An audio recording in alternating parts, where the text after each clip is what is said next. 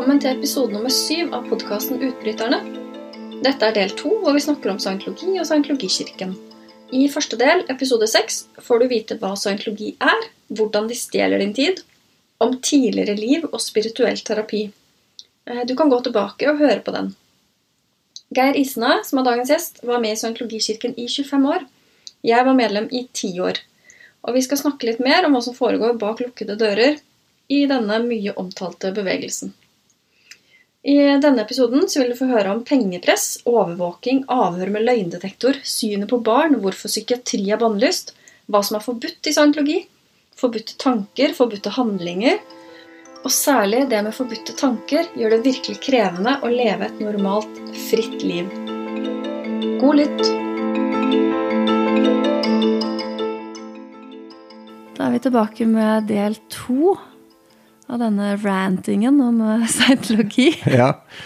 Så jeg tenkte litt uh, altså Vi har jo snakket litt om tid og tidspress og hvordan de kontrollerer medlemmene sine ved å styre tiden deres. Da. Det var jo første episode, så de kan jo høre på den, de som har lyst til å gå tilbake.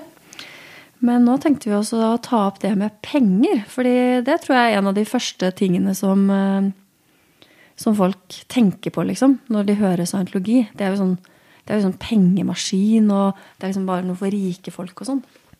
Ja, og det er veldig mye fokus på penger når man leser om scientologi eller ser diskusjoner på nettet. altså Det er veldig dyrt og sånt noe, og, det kan det også være. og Det er jo folk som har donert svimlende summer til scientologi. Og tilbake til det jeg sa sist, hvis vi nå later som at scientologi har svaret på absolutt alt, altså ethvert menneskelig individuelt problem, gruppeproblem, nasjonalt problem og menneskelig problem generelt, så er det jo lett å selge de som virkelig har kjøpt den ideen på at de må donere alle sine penger til scientologi. Og da har du sånn som Nancy Cartwright som har donert jeg tror det er 10 millioner dollar. Eh, eh, Tom Cruise har donert mye mer enn det, og det fins folk som har donert 100 millioner dollar til scientologikirken. Eh, og det er det vi kaller whales, da, altså de virkelig svære hvalene som holder scientologikirken egentlig flytende. For scientologikirken har mye penger, har investert i veldig mye fast eiendom. Og, og, og, dermed så har det blitt en pengemaskin. Og det er ikke en pengemaskin for at han som sitter på toppen bare skal bli rik. Det er ikke det det går på, først og fremst. Han lever sikkert et liv i luksus og sus og dus, han. Men det er ikke poenget. Poenget er at man skal samle inn så mye penger at scientologi kan overta verden. Og overta verden ikke med noen sånn ond hensikt, egentlig, men med den hensikten og den troen at scientologi kan løse absolutt alt. Nå vet jo vi at det ikke er tilfellet, men hvis man virkelig tror på at det er tilfellet, så fins det ingen grenser for hvor mye penger man bør dra inn for å eh, fullbyrde det målet, da.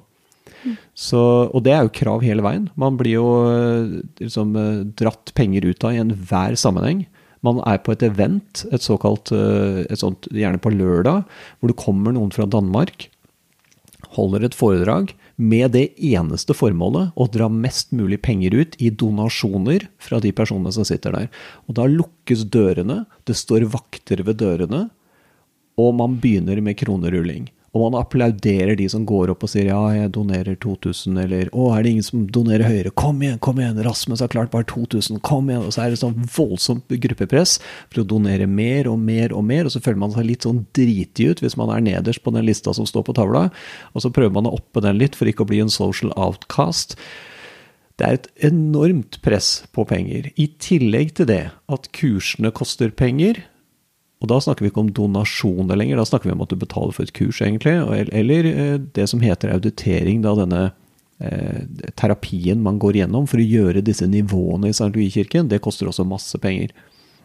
Så eh, i hele min karriere, på da 25 år, fra 1984 til, eh, til jeg gikk ut i 2009, eh, så brukte jeg anslagsvis 1,6 millioner kroner og det er vel omtrent sammenlignbart med at du skulle studere på BI hele tiden, altså i 25 år. Eh, så, så det er ikke, det er sånn per år så er det jo ikke vanvittige summer jeg snakker om, egentlig. Men det er folk som har brukt mye mer penger enn meg. Men nå var jeg veldig sparsommelig i forhold til det at jeg donerte ikke penger til sånne kronerullingsgreier hvor man bare gir fra seg penger for ingenting. Jeg brukte penger konkret på kurs og på konkret på auditering. Og nå skal jeg jo legge til det at eh, alt jeg har gjort i St. Lykirken, har jeg fått noe ut av. Altså, jeg ville gjerne gjort det en gang til, og folk ser på meg med store øyne når de sier det. Altså 1,6 millioner, ja, jeg klart jeg ville brukt 1,6 millioner kroner for å få det utbyttet jeg har fått av St. Kirken, for jeg har fått veldig masse. Eh, men jeg innser at eh, pengepresset er enormt, og skal du først inn der, så bør du eh, ha god råd. Eller bli, la deg bli litt driti ut, eller føle at du sitter igjen og ikke helt er med i gjengen. Så, så det er et enormt gruppepress for penger, da. Det er det. Mm. Ja, det er jo fryktelig dyrt. Altså, kursene er jo dyre, og Altså, du snakker jo om at du skriver på tavla kanskje et par tusen kroner, 3000 kroner. Altså de arrangementene som jeg har vært med på i København, så snakker vi jo helt andre summer. Ja. Altså, det, det, er jo lommerusk. Altså, der er det Hundretusenvis av kroner. Ja, ja. Det rekker opp hånda. Ja, ja. Hvem gir 300 000, liksom? Hvem gir en kvart million, eller Ja, noen stiller seg og kanskje gir 600 000, da. Ja. På en tirsdag kveld, liksom. Ja. Så vi snakker ekstremt mye penger. Ja. Altså, det er ikke liksom Røde Kors som ringer på døra di og Ja, jeg har 20 kroner, liksom. Ikke sant? Det er ikke TV-aksjonen vi snakker om her. Eh, og, og, i USA, hvis du går til uh, Clearwater, eh, Florida, da, som er det spirituelle hovedkvarteret, eller, det, eller, LA, som er det da administrative hovedkvarteret, så finnes det jo sånne uh, kronerullingseventer hvor folk blar opp millioner. Altså, det er jo helt spinnvilt. Som du sier, på en tirsdag kveld, her ryker det to millioner kroner på en tirsdag kveld. Og det er pga. gruppepress, og det er pga. da noen som har en eh, stilling i St. Louis-kirken, som er ansatt, og som kan bruke pressmidler på deg for å sørge for at du donerer. Og veldig ofte så har jo det å gjøre med at man skal gjøre bot for et eller annet. La oss si at du har gjort et eller annet da, som går på kryss og tvers av de etiske retningslinjene i St. Louis-kirken. Så kan straffen bli at du skal donere en viss mengde penger. Litt som i kristne miljøer også, ikke sant. Eh, du, du må gjøre bot. Du må gjøre opp for deg, liksom. Gjøre opp for deg, ikke sant. Ja. Og to millioner kroner er kanskje en passende bot da på en tirsdag. Så, så det, er jo, det, er jo, helt ekstreme tilfeller av hva som kan anses for å være over grensen for hva du får lov til å gjøre også. Fordi vi snakker om å gå på den smale sti her, og stien blir bare smalere og smalere jo mer du går opp i disse levelene i St. Louis-kirken. Du skal ikke se på feil ting på internett, du skal ikke se på feil program på TV. Du skal ikke ta noen medisiner som ikke. Louis-kirken godkjenner at du skal ta. Eh, du skal ikke møte en virksomhetsdoktor, du kan aldri gå til en psykiater eller psykolog. Eh, og du kan heller ikke gjøre det med barna dine. Og, det finnes en hel masse Du går ikke til politiet heller, altså, hvis Nei. det er lovbrudd eller sånn? Du får ikke lov til å gå til politiet hvis det er interne lovbrudd i St. Louis-kirken. Du kan gjerne gjøre det hvis det ikke har noe med St. Louis-kirken å gjøre, men hvis det har noe med interne forhold å gjøre, så skal det håndteres internt. Og typisk sånn som den katolske kirke også har operert og blitt beskyldt for i, i mange hundre år. Så og det er selv om det er altså, reelle lovbrudd. Ja, ja. Vi snakker altså, voldtekt, ikke sant. Altså, mm. Da skal du ikke gå til politiet. Det håndterer man internt. Mm. Og, og, det interessante her, det er at den som blir voldtatt, gjerne er den som blir uh, sett som ansvarlig. I St. Louis-kirken. Ja, hvordan klarte du å, å, sørge for at du ble voldtatt? Ikke sant? Eller som man sier på scientologisk, da, how did you pull it in? Altså, hvordan klarte du å trekke til deg den tilstanden av å bli voldtatt? Mm. Og, og, hvis dette her La oss si at eh, en jente blir voldtatt, hun er, kurs, eh, hun er på kurs og blir voldtatt av en kursinstruktør. Hvis du er stab, hvis du er ansatt i St. Louis-kirken, så står du over de som er menige og som er studenter. Og hvis du er den innerste krets, det man kaller Sea Organization ja, Masse rare ord, da. ikke Som sant? munkeorden, kan man kanskje si. Og de har dedikert hele livet sitt. Faktisk har de dedikert en milliard år, jepp, eh, til. Louis-kirken de står over de som er menige stabien i en lokal kirke. Og så har du da International Management, som er en del av Sea Org, som står over de andre Sea Org-medlemmene. Så det er et voldsomt hierarki, det er et føydalsamfunn uten like. Og hvis du nå, som kursleder, voldtar en jente, så havner du ikke i politiets klør. Nei, du kommer sikkert til å bli kalt inn og få en liten smekk på fingeren, men jenta, hun får kjørt seg i etikk i St. Louis-kirken. For hun klarte å pull it in, liksom. Ja, det var hennes, uh, hennes karma. Ja, og veldig sånn karma-tankegang. Mm. Altså, hun må ha gjort noe galt som gjorde at hun sørget for å tiltrekke seg den situasjonen av å bli voldtatt. Så det er jo helt apekatt, hele systemet. Fullstendig snudd på hodet. Så Jeg kommet til å tenke på en ting nå. Det er i den eh, store ordboka, en sånn rød, stor ordbok de har, så husker jeg satt på kurs en gang og skulle oppklare et ord som eh, jeg tror det var eh, selvinvalidering. At man kanskje var litt usikker på seg selv og sånn. Jeg leste der. Og da sto det litt om årsaken til det. Jeg vet ikke om du husker eh, den definisjonen? Nei, det er jo men, så mange år siden jeg har vært inne i dette her nå. Ja, men det, det bare hang meg fast i det. Og det var rett og slett at du hadde gjort så store grusomheter i ditt liv, og hvis ikke du husket det i dette livs, livstiden her som du lever her og nå, så var det på hele tidssporet av livstider som du har levd tidligere, da. Og det var alvorlige for, forbrytelser, altså à la i den kategorien at du har sprengt planeter og liksom Det var sånn helt ekstremt. Og da tenkte jeg bare Det her er jo ganske sykt. Så, så hvis du har en person som er litt usikker på seg selv, altså ah, kanskje sprengt planeter, liksom. Ja. Dette, det her Og, og det jo en egen sånn liste i auditering, i den terapien, som man går gjennom eh, når man har personer som da har gjort sånne eh, an, som psykologikeren antar har gjort veldig store kriminelle handlinger i tidligere liv. Så er det en liste de stiller spørsmål på.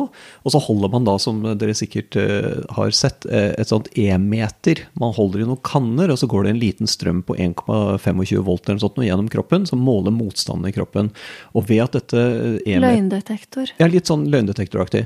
Eh, og, og det, virker. Altså e-meter virker, så det er jo ganske fabelaktige greier. Men, men det man da ser, er at det gir et utslag da, hvis man eh, treffer noe ved å stille disse spørsmålene. Så auditøren stiller spørsmål. Den som blir auditert, eller personen, da, sitter da og holder disse kannene. Og auditøren ser på dette E-meteret og stiller spørsmål. F.eks.: Have you ever blowed, uh, blowed up a planet? Have you ever enslaved uh, a population? Eh, have Ok, Så du har liksom gjort en hel befolkning til slaver? ja, og en av Ja. dem som jeg husker var Have you ever ripped off the, the eh, atmosphere of a planet? Eh, Eh, du har fjernet atmosfæren på en annen planet? ja, ja, ja. Da er du slem. Da, er- Da er da, du da, skikkelig du, slem. da er du slem, altså. Da, da er det ingen du, det her er rett og slett så sykt. Det så helt Jeg tenker på de som hører det nå, de må jo bare tenke Gud bevare. Ja, det, dette er ganske sprøtt, ikke sant? Men, eh, men altså, vi, vi, folk har jo stått opp fra de døde og gått på vann, og det, fem fisk, 5000 mennesker, eller hvordan det var, eller to fisk, eller hvor mange, jeg husker ikke. Men altså, det, det er mye rare ting som har skjedd, eh, og skriver om i Bibelen også. Så, så alle disse religionene har jo sine, eh, kan du kalle det absurditeter av hva man tror på. Eh, Men denne lista er altså helt seriøst ment. Altså, eh, har, du, har du noen gang liksom voldtatt en befolkning? Har du liksom, altså det, det er svære greier man liksom har holdt på med. da. Eh, Fordi man fremstår som usikker nå, så prøver man å finne en eller annen årsak, og de årsakene de er aldri, i Hubbles syn, små. Det er aldri Nei. små årsaker til ting. Det er som regel svære jævla greier, liksom. Så, Ja, da kan man jo si at man har da det er, altså etikk da, som en sånn slags sånn justitssystem som håndterer, som er liksom sånn scientologipoliti, ja. som eh, tar deg da inn til avhør hvis det, hvis det skjer noen overtredelser, eller de ikke er fornøyd med det, eller noen har tysta på deg og sånn, så, så kommer de etterpå. Da må du inn til avhør, og det, og det Du har bare å møte opp, du har ikke noe valg. Nei. Og du må betale for det i tillegg. Det kan jo koste flere tusen kroner per time, faktisk.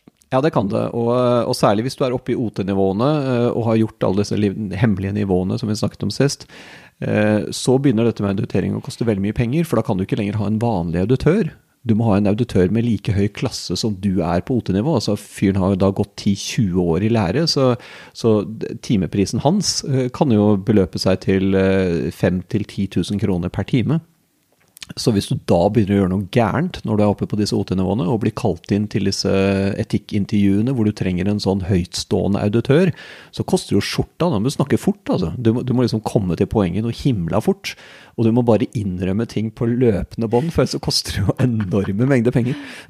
Så det er jo det er nesten sånn tortur. Bare sånn det litt sånn mild form for økonomisk tortur, da.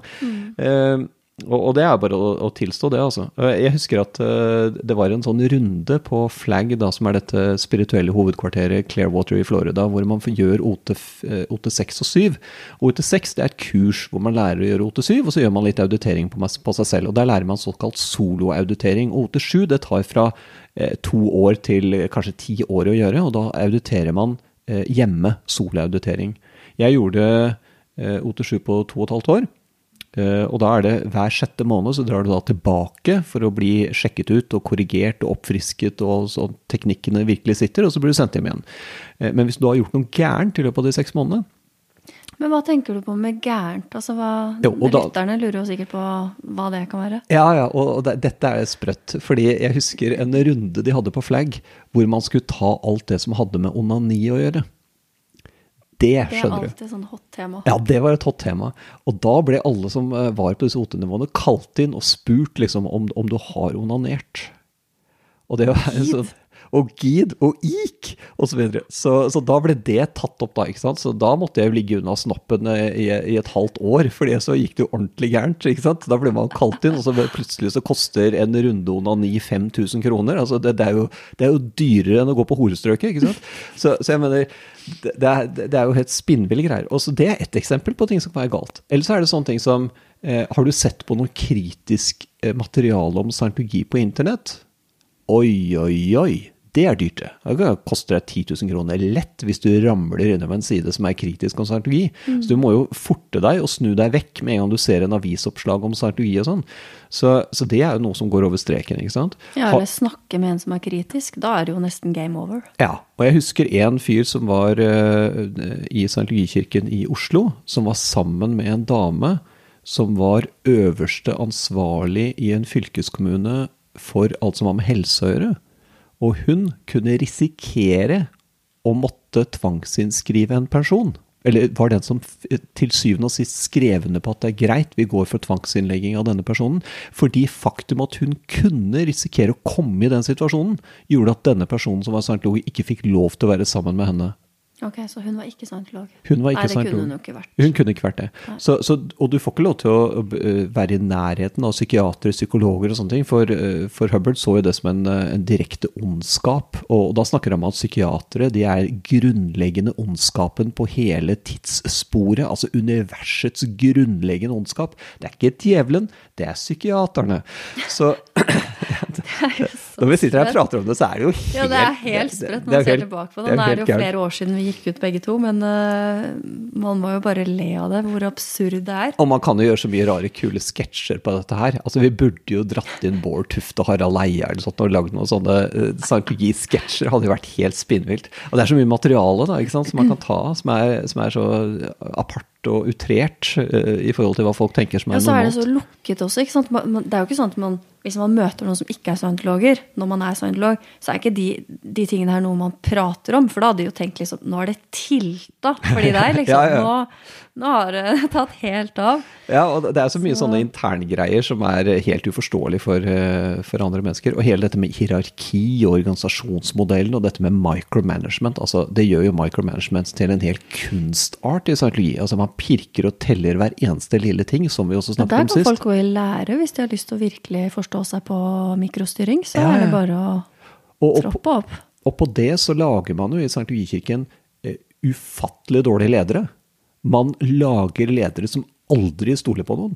Altså Man blir så mistenksom av å være i St. Louis-kirken. Ja, ikke sant? Man blir så mistenksom, og alle går, sammen går rundt og tenker at oi, kanskje han tyster på meg. kanskje Fordi du må være den første som tyster.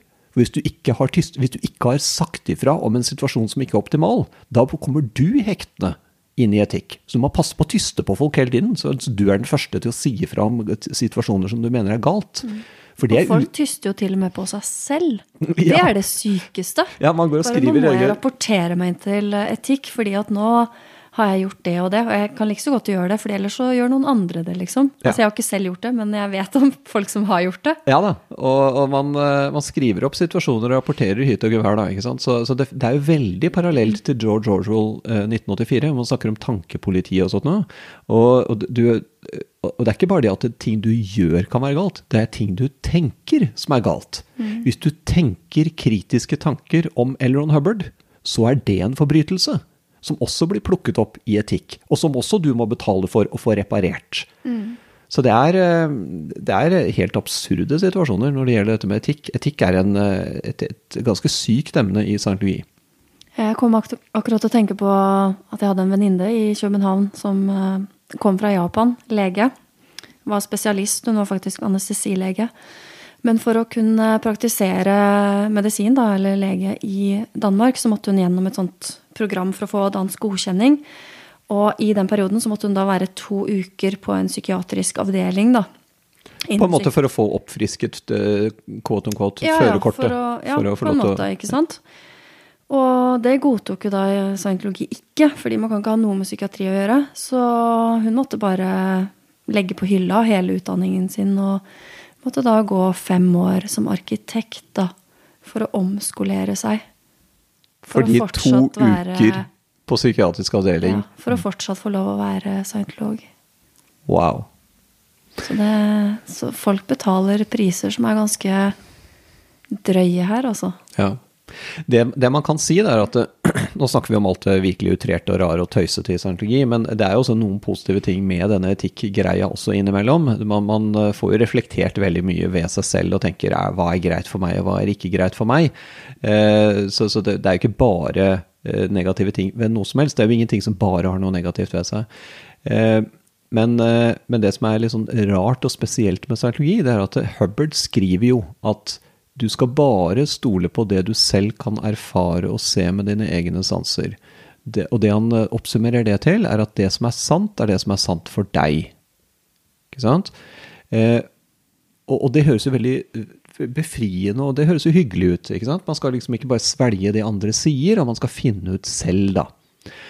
Eh, men når det kommer til stykket, så er det jo ikke sånn. Fordi du kan aldri sette spørsmålstegn ved det Elron Hubbard har skrevet. Han har aldri feil.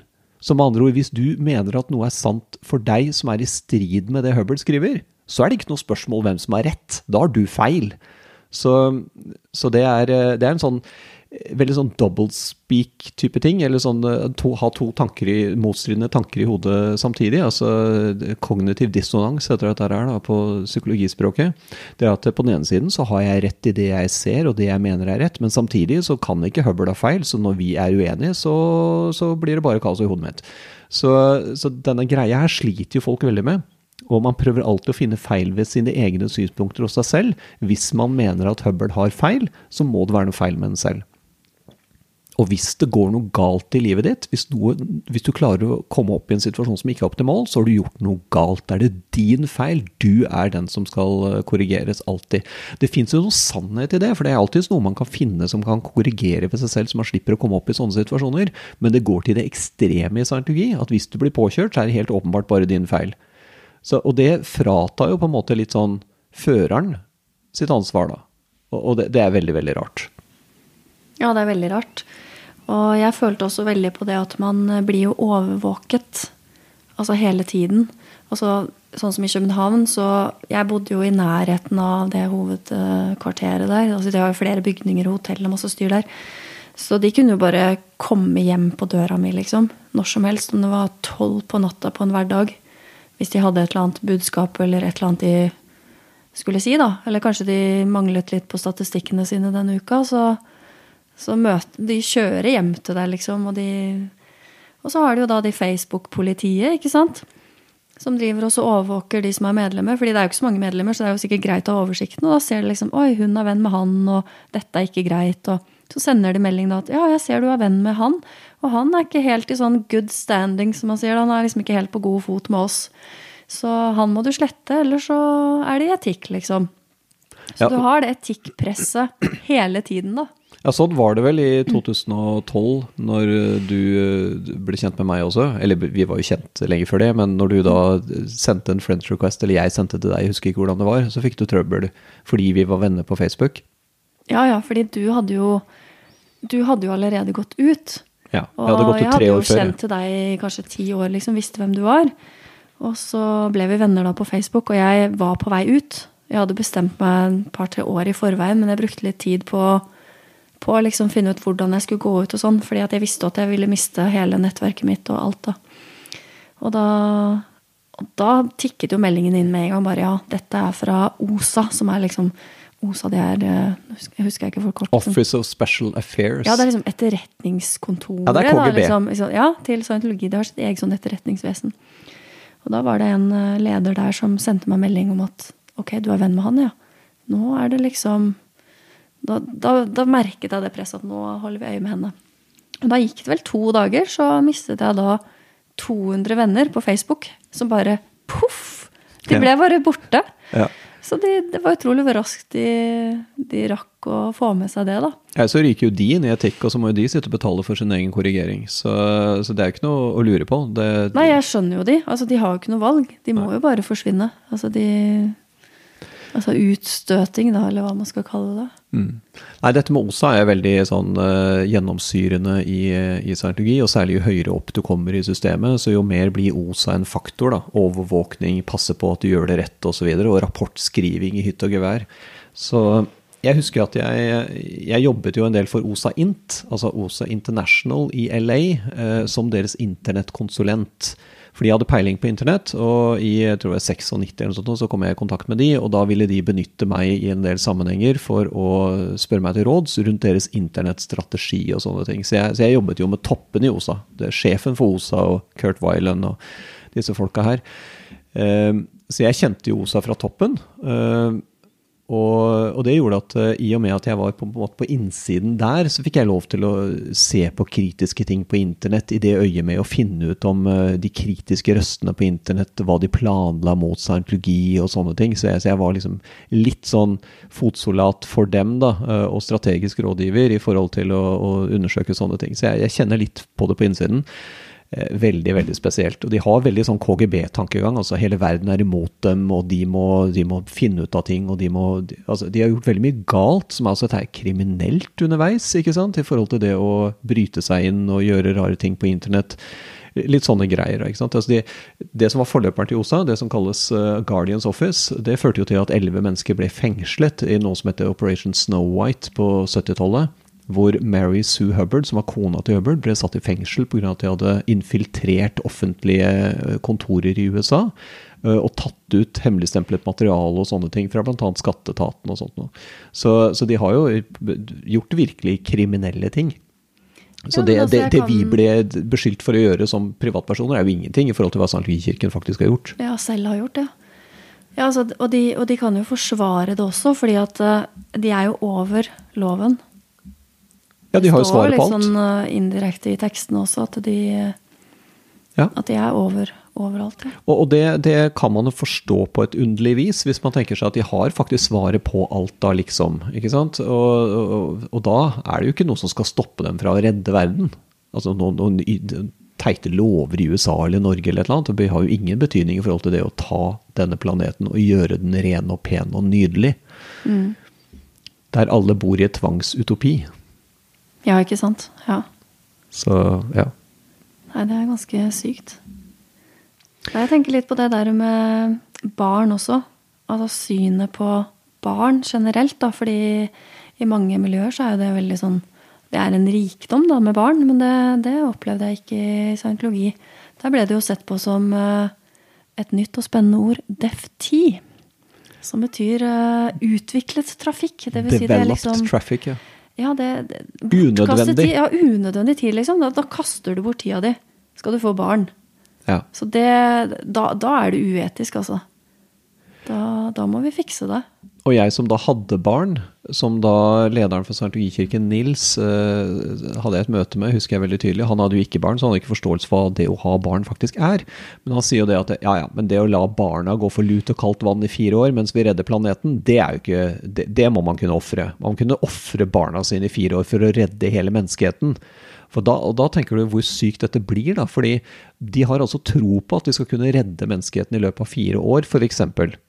Nå er dette ganske mange fireårer siden, så, så, planeten burde jo vært reddet for lenge siden. Men, ja, de eh, barna har gått av med pensjon. ja, ja, ikke sant. Så, så, man har jo sånn helt urealistisk forhold til hvor kjapt man skal kunne gjøre ditt og datt og redde det ene med det andre og, og klere verden, som man kaller det, osv. Og, så eh, og i mellomtiden skal altså barna kunne gå for lut og kaldt vann. Og det der, Hubbard var jo Det gjør de jo også. Ja, det gjør de også. Og Hubbard var ganske brutal mot barn. Og i noen tilfeller så var det på det, noen av båtene som han hadde da samlet sammen og lagd denne Sea Organization ut av, så ble jo fire- og femåringer puttet i det som er chain locker, der eh, altså ankekjettingen er i et uh, mørkt, lite ekkelt rom med olje og skit, ble barna satt inne som straff. Fordi barn blir behandlet som voksne, fordi tross alt så er det en voksen sjel, en voksen tetan, som er bolig i en liten kropp. Det at han har en liten kropp, har ingen unnskyldning. Så, så de blir behandlet som voksne. Jeg hadde jo på et tidspunkt en eh, kjæreste som var scientolog i Danmark. Og foreldrene hans de vervet seg jo og skulle donere en milliard år av sine liv til den tjenesten. Så han og lillesøsteren de vokste opp under et skrivebord på et kontor i kirken i København. Og tilbrakte liksom barndommen sin der, da. Sånn kvelder og sånt noe. Så fritidsinteresser, det, det var liksom ikke-eksisterende. For de skulle jo redde verden. Så de, de lekte under et sånt skrivebord. eh, Det er sånn stusslig. Ja. Og det som er liksom typisk, jeg tror det kan gjelde for andre lukkede religiøse miljøer også, det er at skal du redde verden, så kan liksom dine nære forhold få lov til å gå flyten, på et vis. Eh, på en måte eh, ofre det nære for det store. Eh, og, og det syns jeg er veldig veldig rart. Hvis du ikke engang klarer å ta vare på de nære relasjoner, hvordan skal du da klare å ta vare på de store relasjonene? Altså jeg tenker at Det må jo begynne med at du er sunn og frisk, og din familie er sunn og frisk, og du har det godt rundt deg, og dine re re vennerelasjoner fungerer godt. Og så kan du begynne å spre dette glade budskapet om hvordan man skal være et bedre menneske osv. Enten man er Dalai Lama eller en kristen eller hva man måtte være. Men i hvert fall sørge for at denne nære er i orden. Fordi det vil alltid kunne peke tilbake på deg hvis du sier at nei, men jeg bare lar hygiene og barn og alt gå fløyten for å redde den store verden. Så vil jo ingen tro på at du er i stand til det, hvis du ser ut som en slabbedask og, og har 15 skilsmisser bak deg og barna dine er narkomane. Så, så jeg tenker at du er nødt til å rydde opp og feie for egen dør, da. Der er scientologi utrolig dårlig i forhold til akkurat det. Kanskje akkurat på egen mental tilstand. Man jobber jo veldig for egoet. Men når det gjelder familiære relasjoner, så ses det gjerne litt ned på i forhold. Mm. Jeg husker også det de prøvde å rekruttere meg til, eh, til det internasjonale hovedkontoret. Da. Og da, da må du ha veldig høy etikk og sånne ting. Og jeg sa jeg er faktisk ikke, ikke interessert, fordi at jeg ønsker å få barn. Og det, det får man jo ikke lov til når man skriver under en sånn type kontrakt. da. Så er barn helt utelukket. Det er litt sånn den katolske kirke og munkeorden og sånne Ja, ting. det er liksom en sånn nonne-munkeorden-greie. Og, da, og de ville jo ikke tro på det, liksom. At så da kom de hjem til meg med forskjellige papirer de skulle vise meg om hvor uetisk jeg var. Fordi at det var på en måte bare kroppen min, og det genetiske, som hadde den trangen til å få barn. Ha lyst til å få barn, liksom. Fordi jeg har jo sikkert hatt eh, hundretusenvis av barn. Hvis man ser på liksom hele livshistorien, liv etter liv etter liv man har levd tidligere. Men det, det blir jo liksom ikke helt en realitet med her og nå, når man har det ønsket, da. Så det husker det syns jeg var ja, en av de tøffeste tingene, egentlig. Det der med å få undertrykt det, hva skal jeg si, behovet, da, eller det ønsket. Fordi det er, jo, det er jo et stort ønske i livet. Det er jo ikke sånn at, eh, at, at det blir tråkka ned på, at det er uetisk. Mm. Det var for meg veldig, veldig Veldig sårt. Forferdelig, egentlig. Og igjen så er vi tilbake til det at uh, Hubbard skriver at det som er sant for deg, er det som er sant, men allikevel ikke. Fordi Hubbard har skrevet noe annet om at uh, det viktigste er å redde planeten eller et eller annet. Så med andre ord, du må likevel ha denne ja, men jeg mener og jeg syns at det er viktig å få barn, i skarp kontrast med det Hubbard har skrevet om at det er viktigere å redde verden. Spørsmål hvem har rett? Det er alltid Hubbard som mener om å ha rett, selv om han sier at det som er sant for deg, er det du mener er sant. Så, så det er en, en kognitiv dissonans som er ganske kraftig i scientologi, eh, og som er ganske ødeleggende for psyken til ganske mange, tror jeg. Ja, jeg tenker også på det som jeg har følt på min egen kropp også. Det er det med sånn kronisk stress. For man lever i en kronisk stresstilstand når man er i scientologi. Fordi det er aldri bra nok det du gjør. Du bruker aldri god nok tid. Selv om du bruker all tiden du har til rådighet. Du drar ikke på ferie, du er liksom på kurs. Du er på hele tiden, liksom. Og det, og det, det blir ikke noe takknemlighet igjen, liksom. Og så er det ikke sånn som kanskje eh, andre kristne miljøer som har det liksom at ja, vi skal redde verden og sånn. Men selv det er jo ikke nok for scientologi. Altså holder jo ikke med å redde verden. De har jo videre planer. Ja, faktisk. Og det er jo som uh, grunnen til at sjøorganisasjonen, eller Sea Organization, denne interne munkeordenen hvor man donerer en milliard av sin uh, fremtidige år til denne organisasjonen, de har jo to salvage this sector of the galaxy. Altså, vi snakker eh, Jorden holder ikke. Nei, vi skal rydde opp i denne delen av galaksen. Jeg, jeg har aldri klart å få klarhet i hva, hva denne sektoren av galaksen, hvor stor den er. Altså, Jeg har studert astrofysikk, så jeg vet ganske mye om galakser og sånne ting. Og, og vi snakker om liksom 400 milliarder stjerner i, i vår galakse. Hvor mange av de stjernene er egentlig vår sektor? Det lurer jeg på. altså. Ja, hvor går grensene, liksom? Ja, Hvor går grensene? Når er vi utenfor sektoren vår i galaksen? Ja, når, Når er vi ferdig med denne jobben? Ja, vanskelig å si. Det skjer vel kanskje aldri? Nei, sannsynligvis aldri. Men det er, det er morsomt å holde på, da. Eh, fordi det er litt sånn the journey is the destination, eh, tenker jeg i livet nå. At eh, man skal jo Det å oppnå målet, det kan være hyggelig, men det interessante er å jobbe for det. ikke sant? Så jeg tenker at det å holde seg busy med scientologi eller en kristen sekt eller et eller annet, har, har sikkert en egenverdi i at man er aktiv og har et formål og ønsker å gjøre et eller annet, og gjerne da noe positivt for andre mennesker. Mm. Så den delen av det er veldig bra.